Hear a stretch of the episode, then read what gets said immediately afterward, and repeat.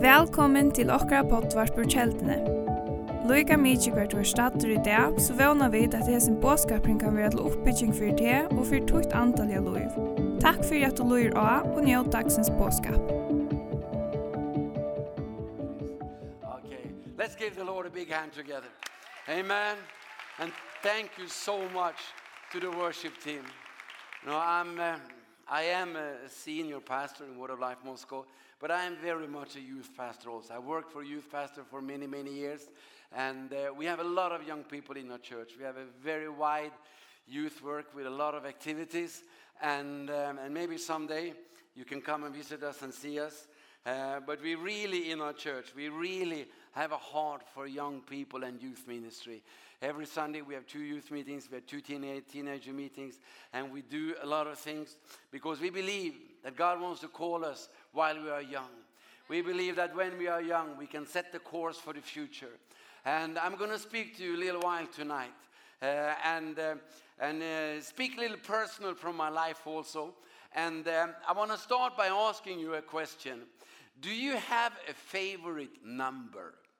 Do you have a favorite number? Most people have. What number is that?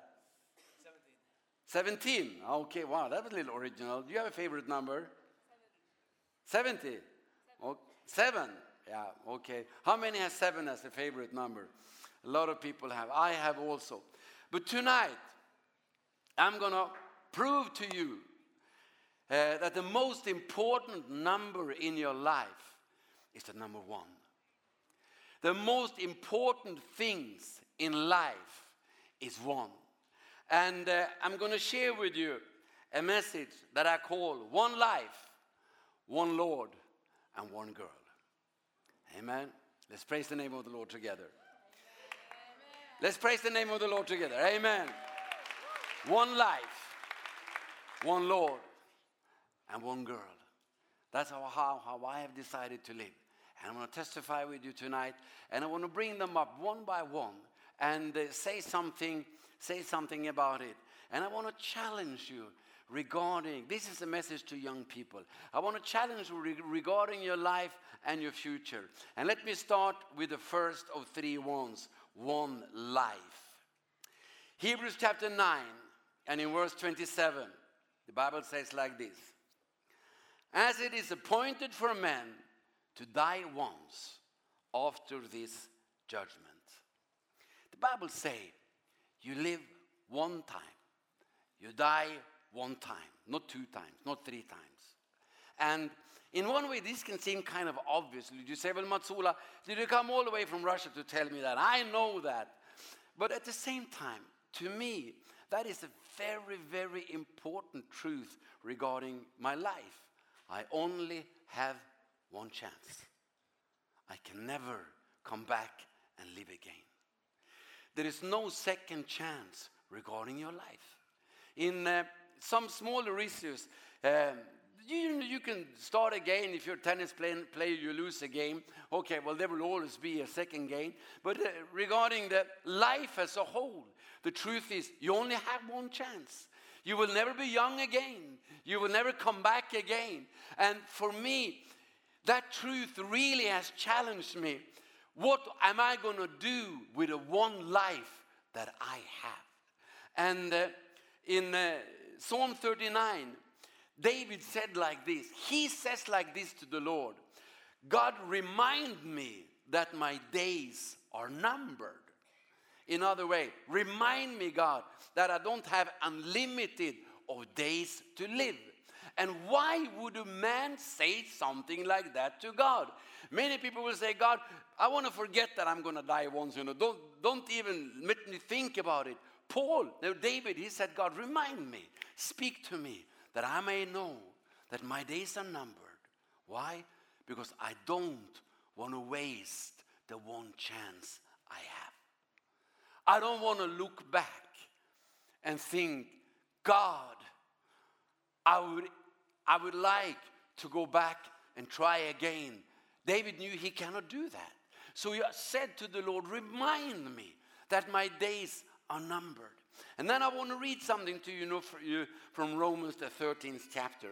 And uh, if I can get two chairs up here, uh, I just want to make a little illustration for, for, uh, to you.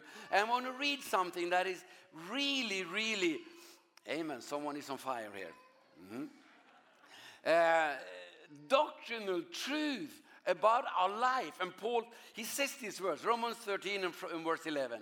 He says, and knowing the time, that now it is high time to awake out of sleep. For now our salvation is nearer than when we first believed. The night is far spent. The day is at hand. Okay. So David, so Paul, he does like this. Look at me now. He says, this is the point in my life when I am saved. And this is the point when I will cross the line between time and eternity and go to heaven. And then he says to them like this, the Romans, he says, well, we are closer now to salvation than when we first believed. In other, in, in other ways, I am closer now to the day when I'm going to die and be with the Lord than when I first believed. And that's just a fact. Whether we want to admit it or not, I don't know when you became a Christian, but say you became a Christian three years ago. Well, you're closer to heaven now than you were, were three years ago. Say amen. amen. Tell your neighbor, the preacher is right. The preacher is right. We're closer now. And the point is, why is, David, why is Paul saying this? Well, what fascinated me is that he uses the words day and night. He, uh, he, uh, he, says, uh, he says like this that night is far spent, day, day is at hand. Because most people, listen now, they would think about life on earth as day. Now it is day, I am, al I am alive. But one day I'm going to die. And that's when night is going to come. So I really, I really are happy it's day now. But the thing is, Paul is turning this around.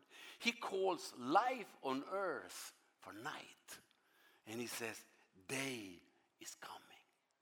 This, when I cross this line, and I'm going to be with the Lord, that's when life really will begin. That is day in my life. And Paul, he just says this to encourage us. The only thing he wants us to know, you are going to something better. He doesn't, didn't want to discourage the Romans. He wanted to encourage them. And I said, well, praise the Lord. It is night now. Here we are living on earth. But we are getting closer to the day when there will be no more tears, no more sickness, no more sorrow, no more death. There will only be God, His glory, and His love forever. Amen. Let's praise His name one more time. Amen. Let's praise His name one more time. Okay. So that's what he's saying. But what is his point? Why is he saying night is far spent, day is coming? Well, he's, he, he says like this. And knowing this, let us awake out of our sleep. He says this because he wants them to understand, well, the time is moving. You're closer now to the end. So awake and really understand what are you going to do with the one life that you have. I'm closer now than I was yesterday. And if Paul would hear, he could say, Matsula, maybe you need to awake. Don't just let days and years pass. There is no second chance regarding your life.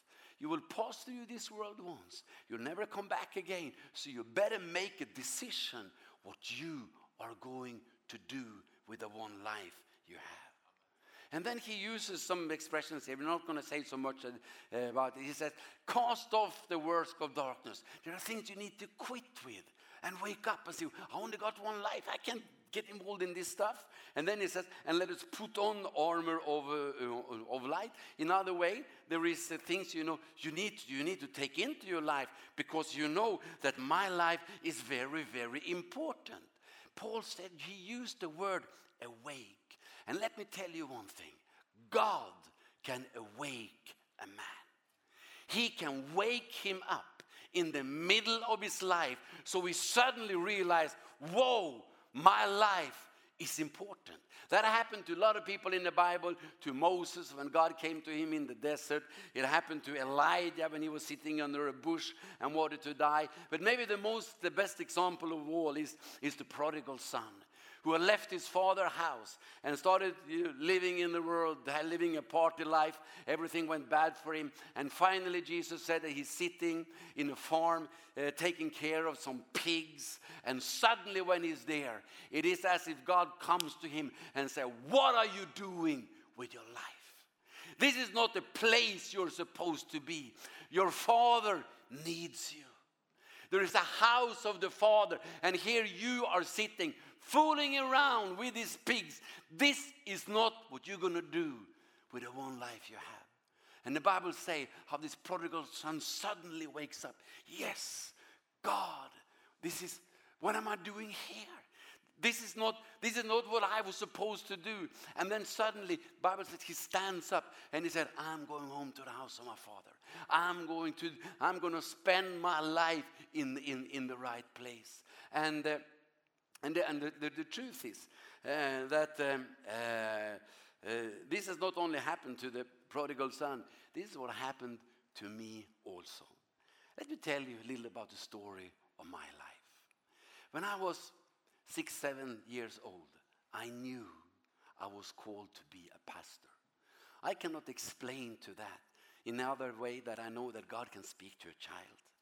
He can speak to you, you know. God can talk to you about your life and your future. He can do. He spoke to me and he said, you're going to be a pastor. When my friends in school, when I were like in 6th grade, 8th grade, 9th grade, I was a little envy with them because all of them said, I want to be this, I want to be a fireman, I want a policeman, I want to be this. And I thought, they can choose, I can't choose. Uh, I have to be a pastor. God has already told that. But as I grew up, I kind of started to fool around a little in life. And, and I got involved in things that Christians shouldn't be involved in. And I, I, um, uh, I, was, I was always a Christian, but at the same time, I didn't really think so much about the calling I knew was there. And then when I was 26 years old, in the autumn of 1985, 1985, in uh, August there, uh, I was in a youth camp.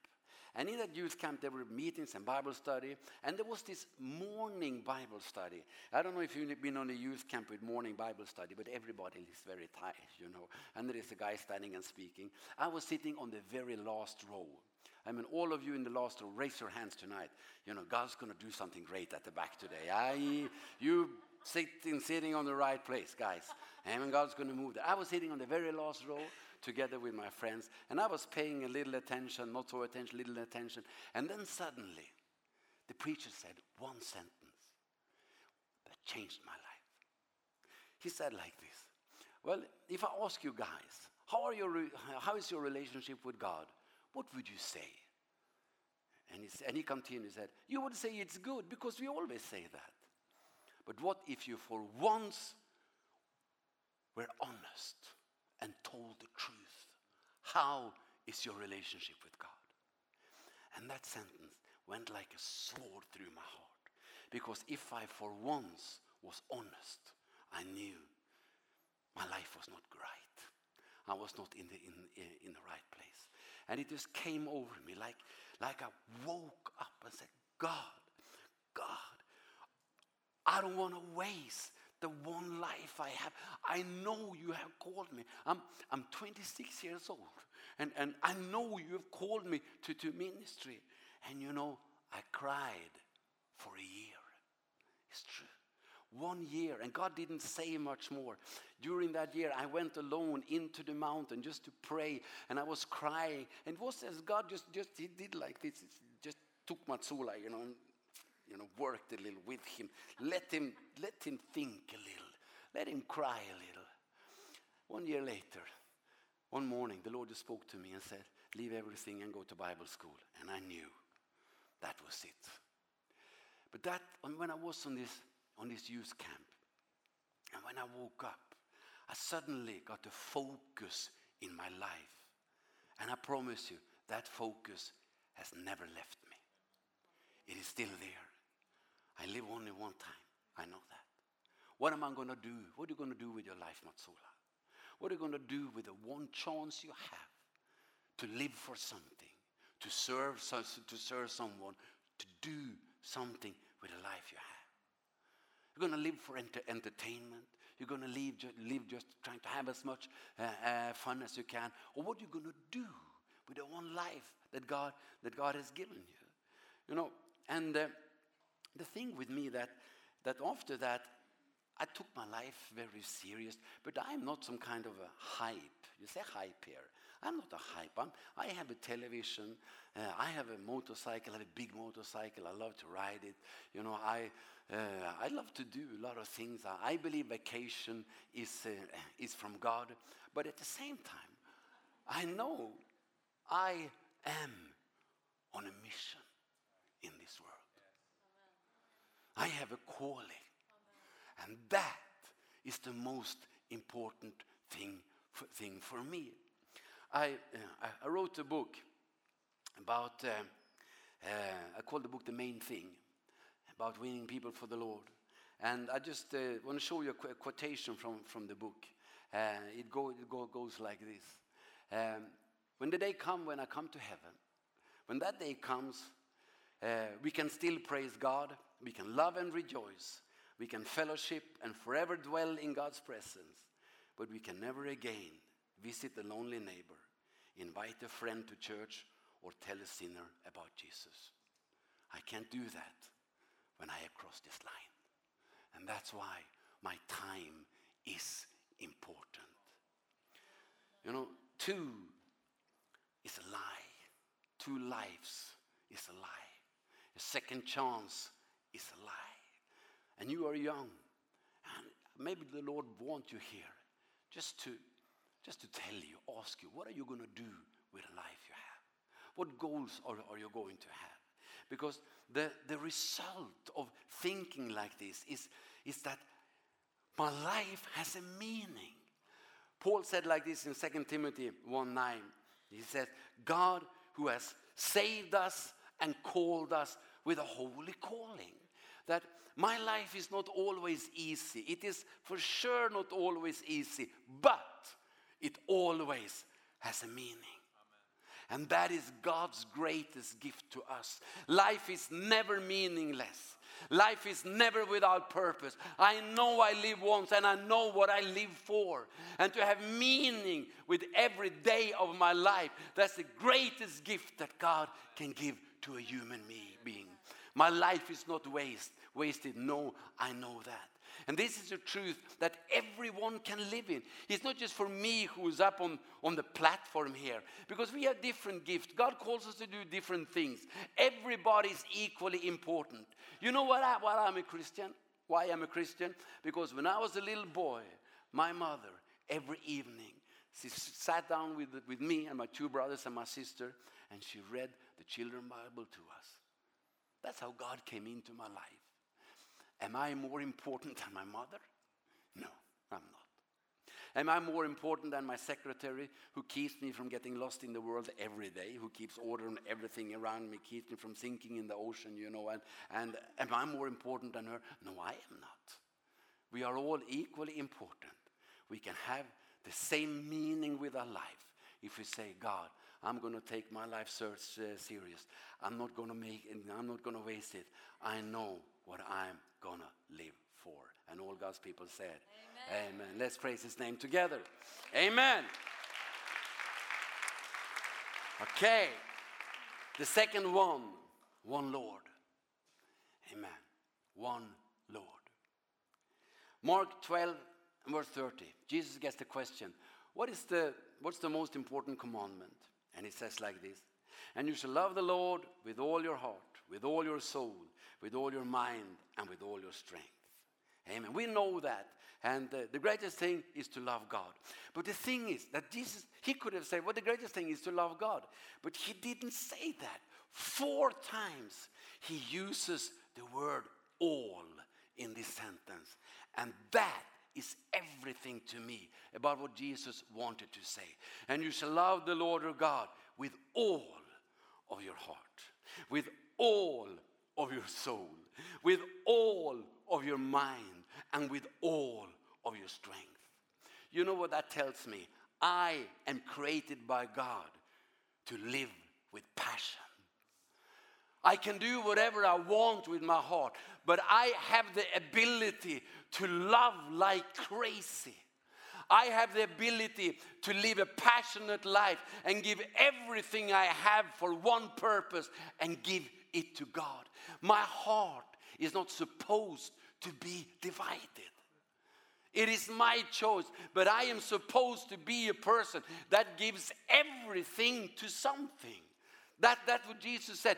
This is what man is. Man is when he loves of all his heart, of all his soul, of all his might, of all his strength in, in everything. That. And that is the choice that I have made. How many, how many lords are you going to serve, Matsula? I made my choice. I'm going to serve one Lord all my life. And I'm going to serve him with all of my heart, with all of the passion that I have.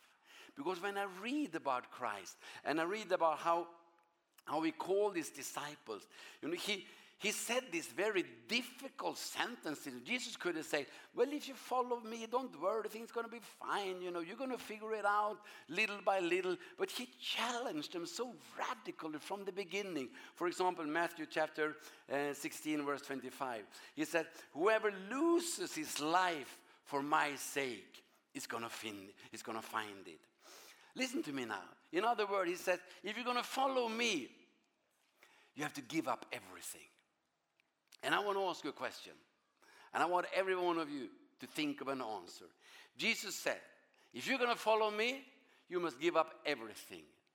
Does that sentence kind of push you away from Jesus? Or does it attract you to Jesus?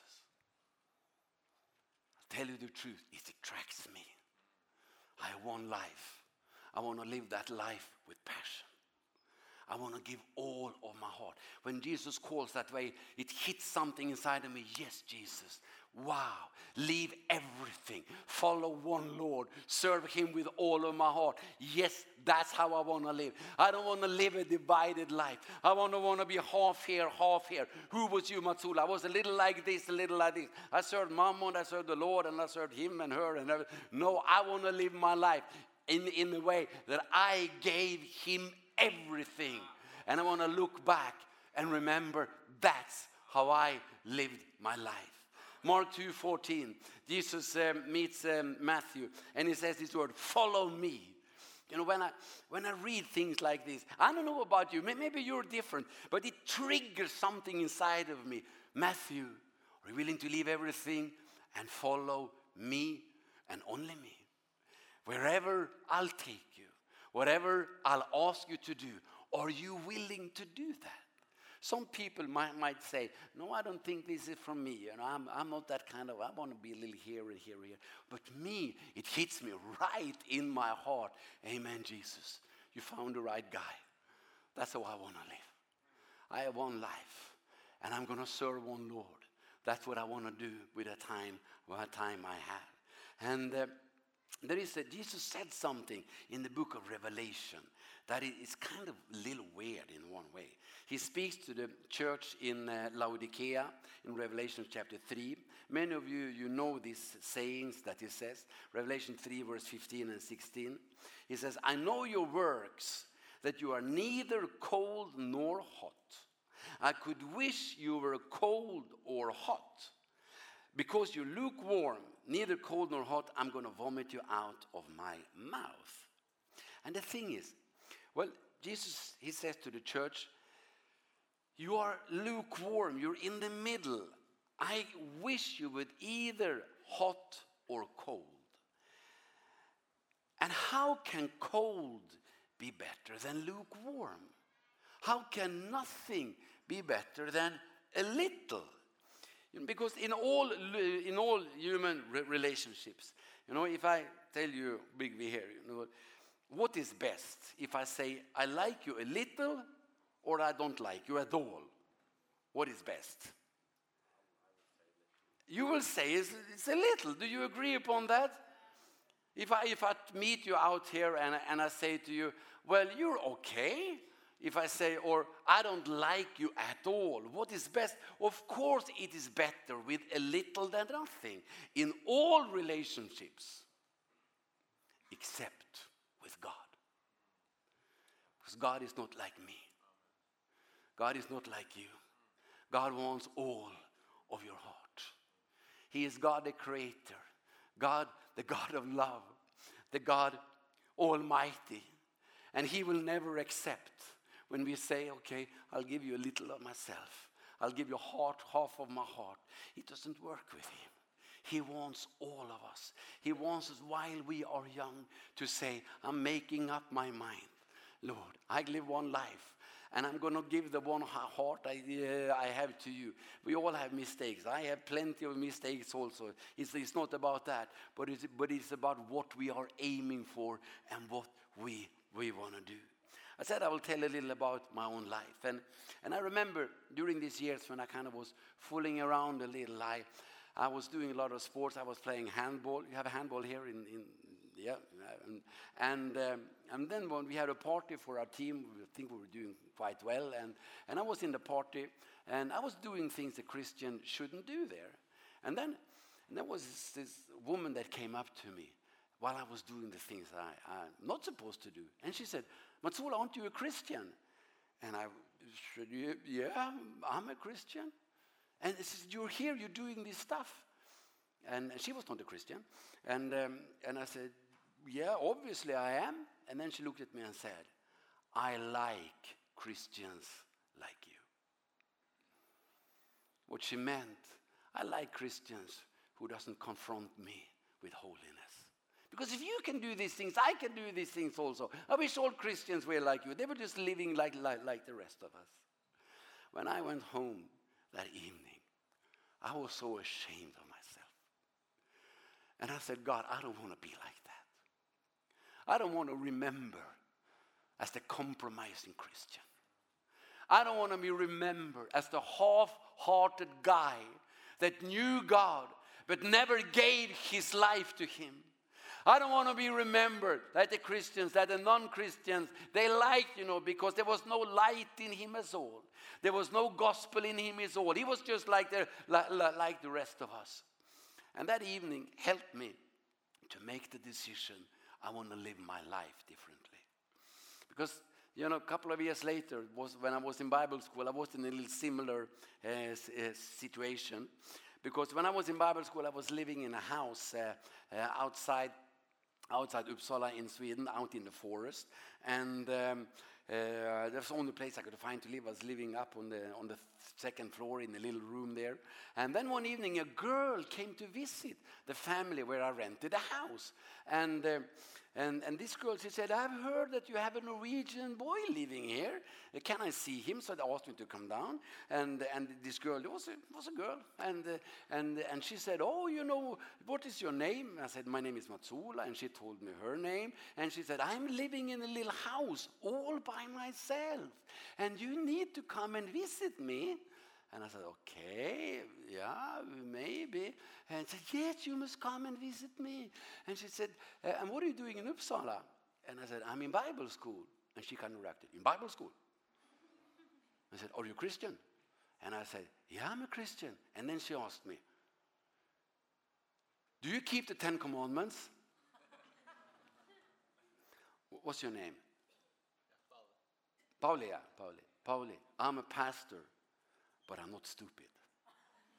I know exactly which of the 10 commandments she was interested if I was keeping or not. You understand what I'm talking about here? I knew exactly, exactly which of the 10 commandments.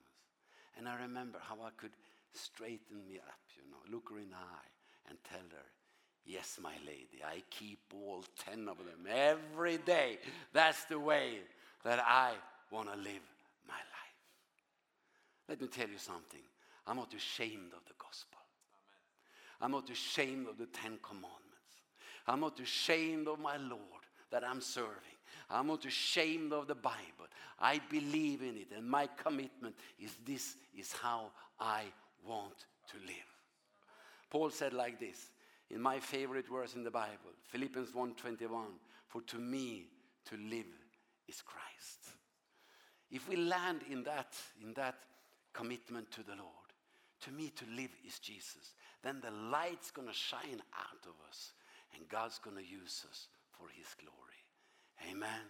I live one life and I serve one Lord. Let's praise the name of the Lord together. Amen. Let's praise his name together.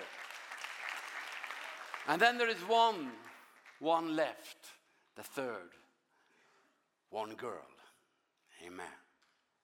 You know love can be a, uh, love between a man and a woman, between a boy and a girl, can be very can be different things. My youngest son, Andrusha, when he he was a child, we were driving in a car together, and he said said suddenly, "Papa, Papa, can I ask a question?" And I said, "Yeah, sure." And he said, "Papa, when I grow older and I get a girlfriend, do I have to kiss her, or is it enough to hold her hand?" It's a good question. and so I just said, well, I think it's enough, enough to hold her hand. And he said, praise the Lord. yeah. And then he said like this also. And I made a decision that I'm only going to buy present to her after the wedding. Okay, well, he's 19. He's not married yet now, so we'll see what's going to happen to him. But the thing is, uh, the love between a man and a woman is, uh, is a big thing in the world.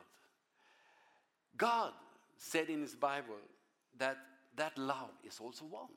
It's one girl. It's not two, three, and four. You marry once, and you're faithful to that girl all your life. And the question is, you know, in the world today, a lot of people are not thinking like this, and maybe God was wrong. Maybe love isn't like that. Maybe love is many, one and one more, and a third, and, and, and, and a fourth. But I'm too glad that I can be here, and I can tell you No, it's not many. Love is one. Your heart was never made to be divided between if you're a girl, many boys, or if you're a boy, many girls. Your heart was divided to be kept and given to the one that you're going to love for the rest of your life. You know, I have a ring here. My wedding ring. In this ring, there is a Bible verse written. Matthew 13:46. It's, it's in, engraved in, inside here on, on the ring. And, uh, and it says like this. It speaks of this parable of Jesus when he speaks about a man who was looking for very costly pearls. Uh, and, um, and, and it says like this in verse 46 then. Who, when he had found one pearl of great price, he went and sold all that he had, that he had and bought it. And this what did this have to do with, the, uh, with you, Matsula, and, and your wife? Well, this speaks about the kingdom of God, but this fits very much also uh, on our relationship, because this was a man, he was looking for a really nice pearl. I was looking for a girl to marry also for some, some, some years. And, and then it says that this man, he found, wow, the question was, what is this pearl? What is going to cost me?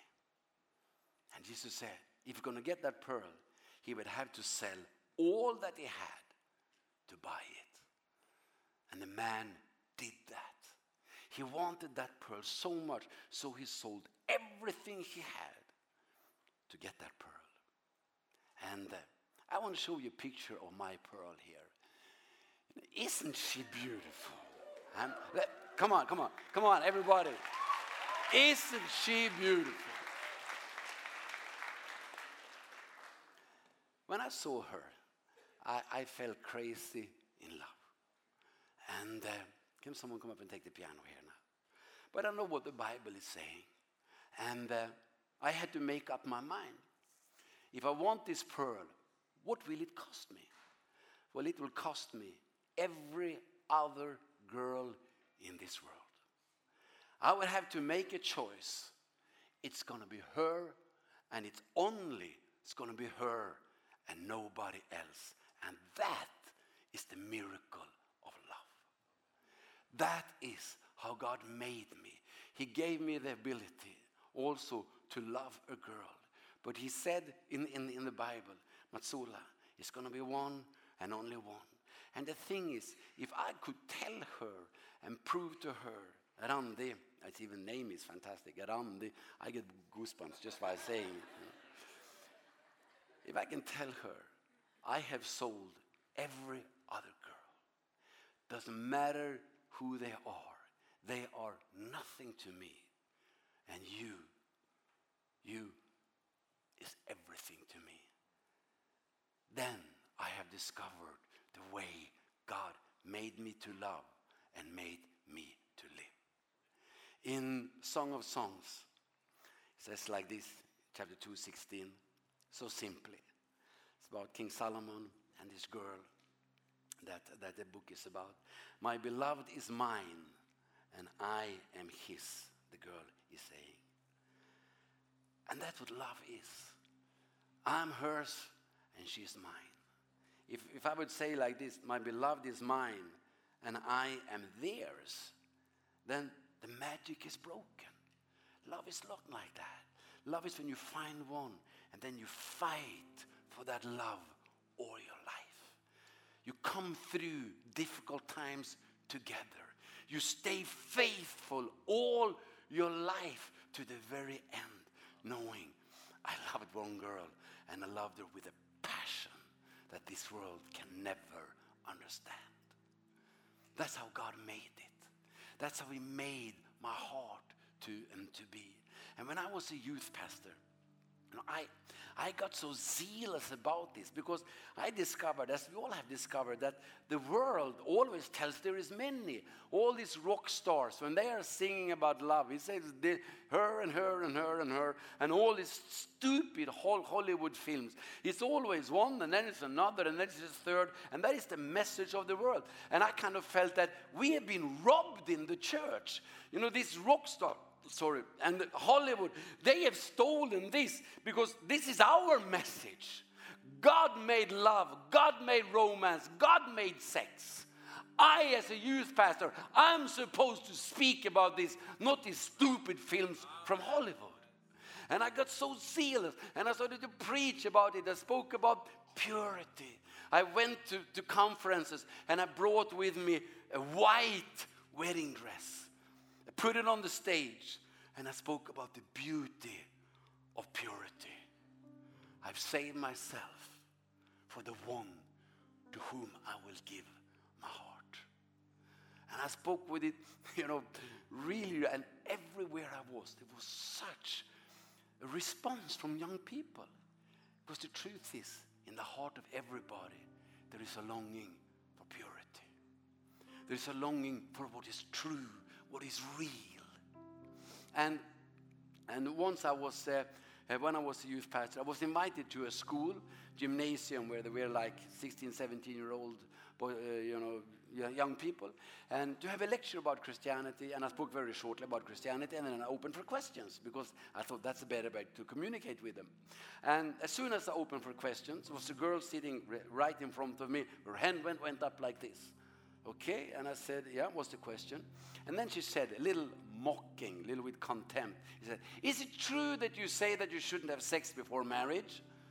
I was a little surprised and I said, yeah, that's true. And then she started to laugh. And the whole class started to laugh. And I was standing there and everybody was laughing at me.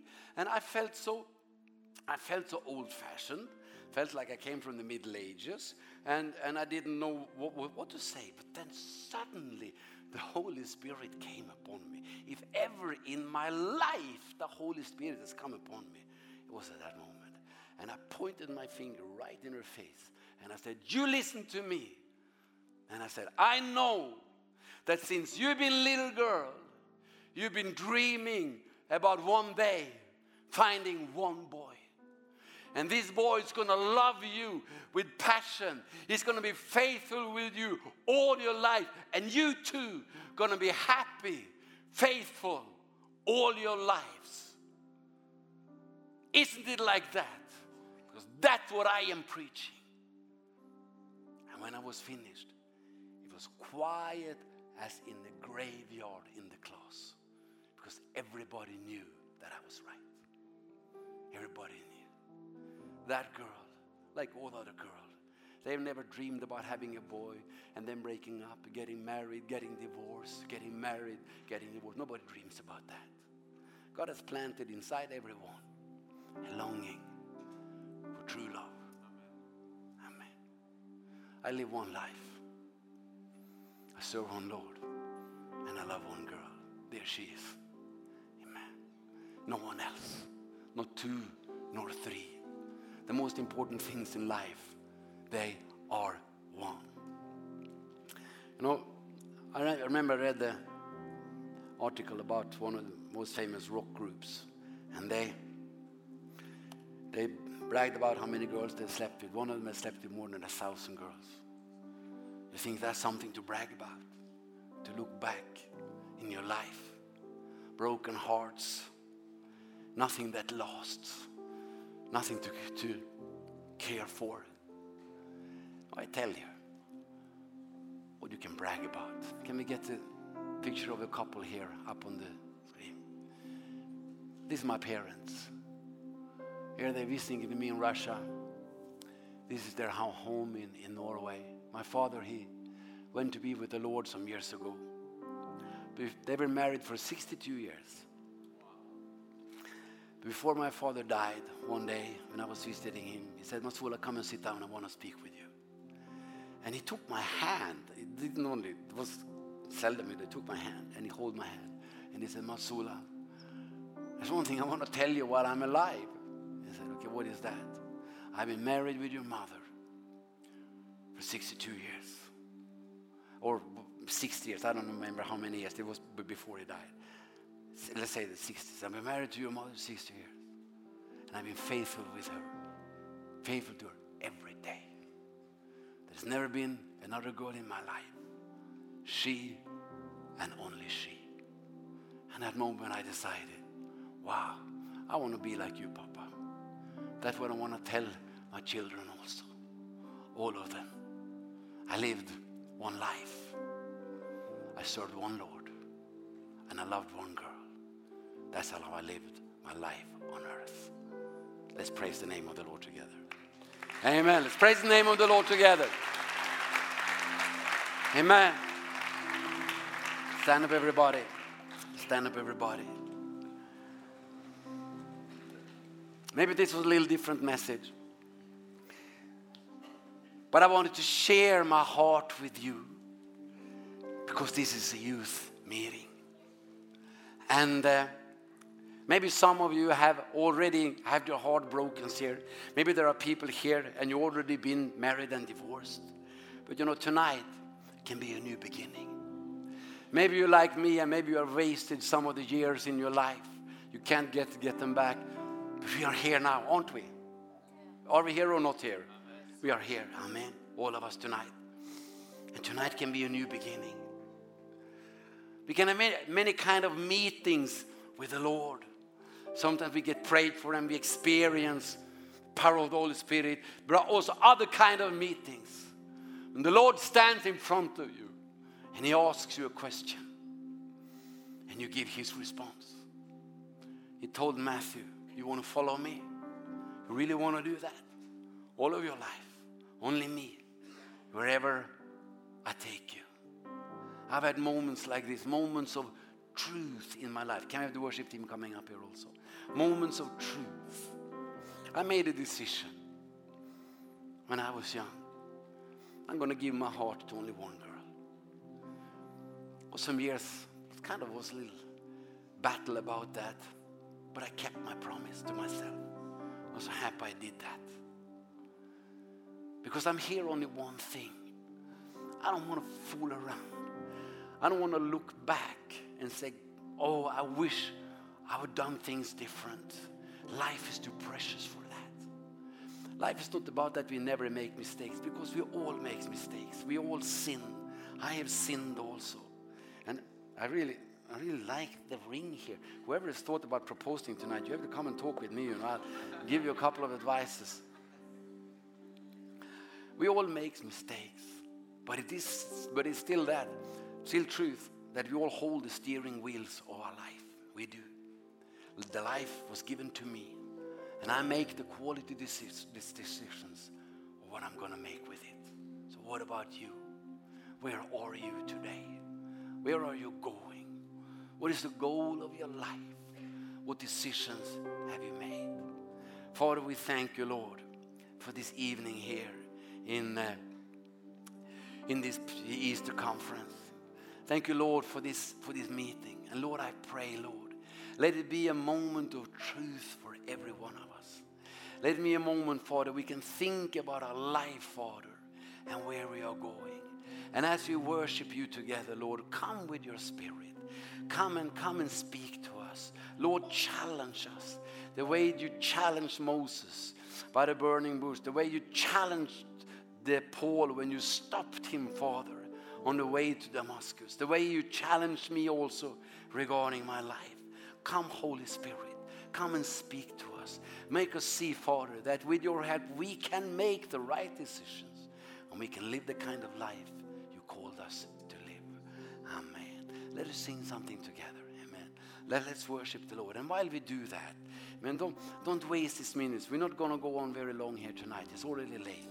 But think about your life. Think about the Lord. Think about who you are. Amen. Where, where you want to go. Amen.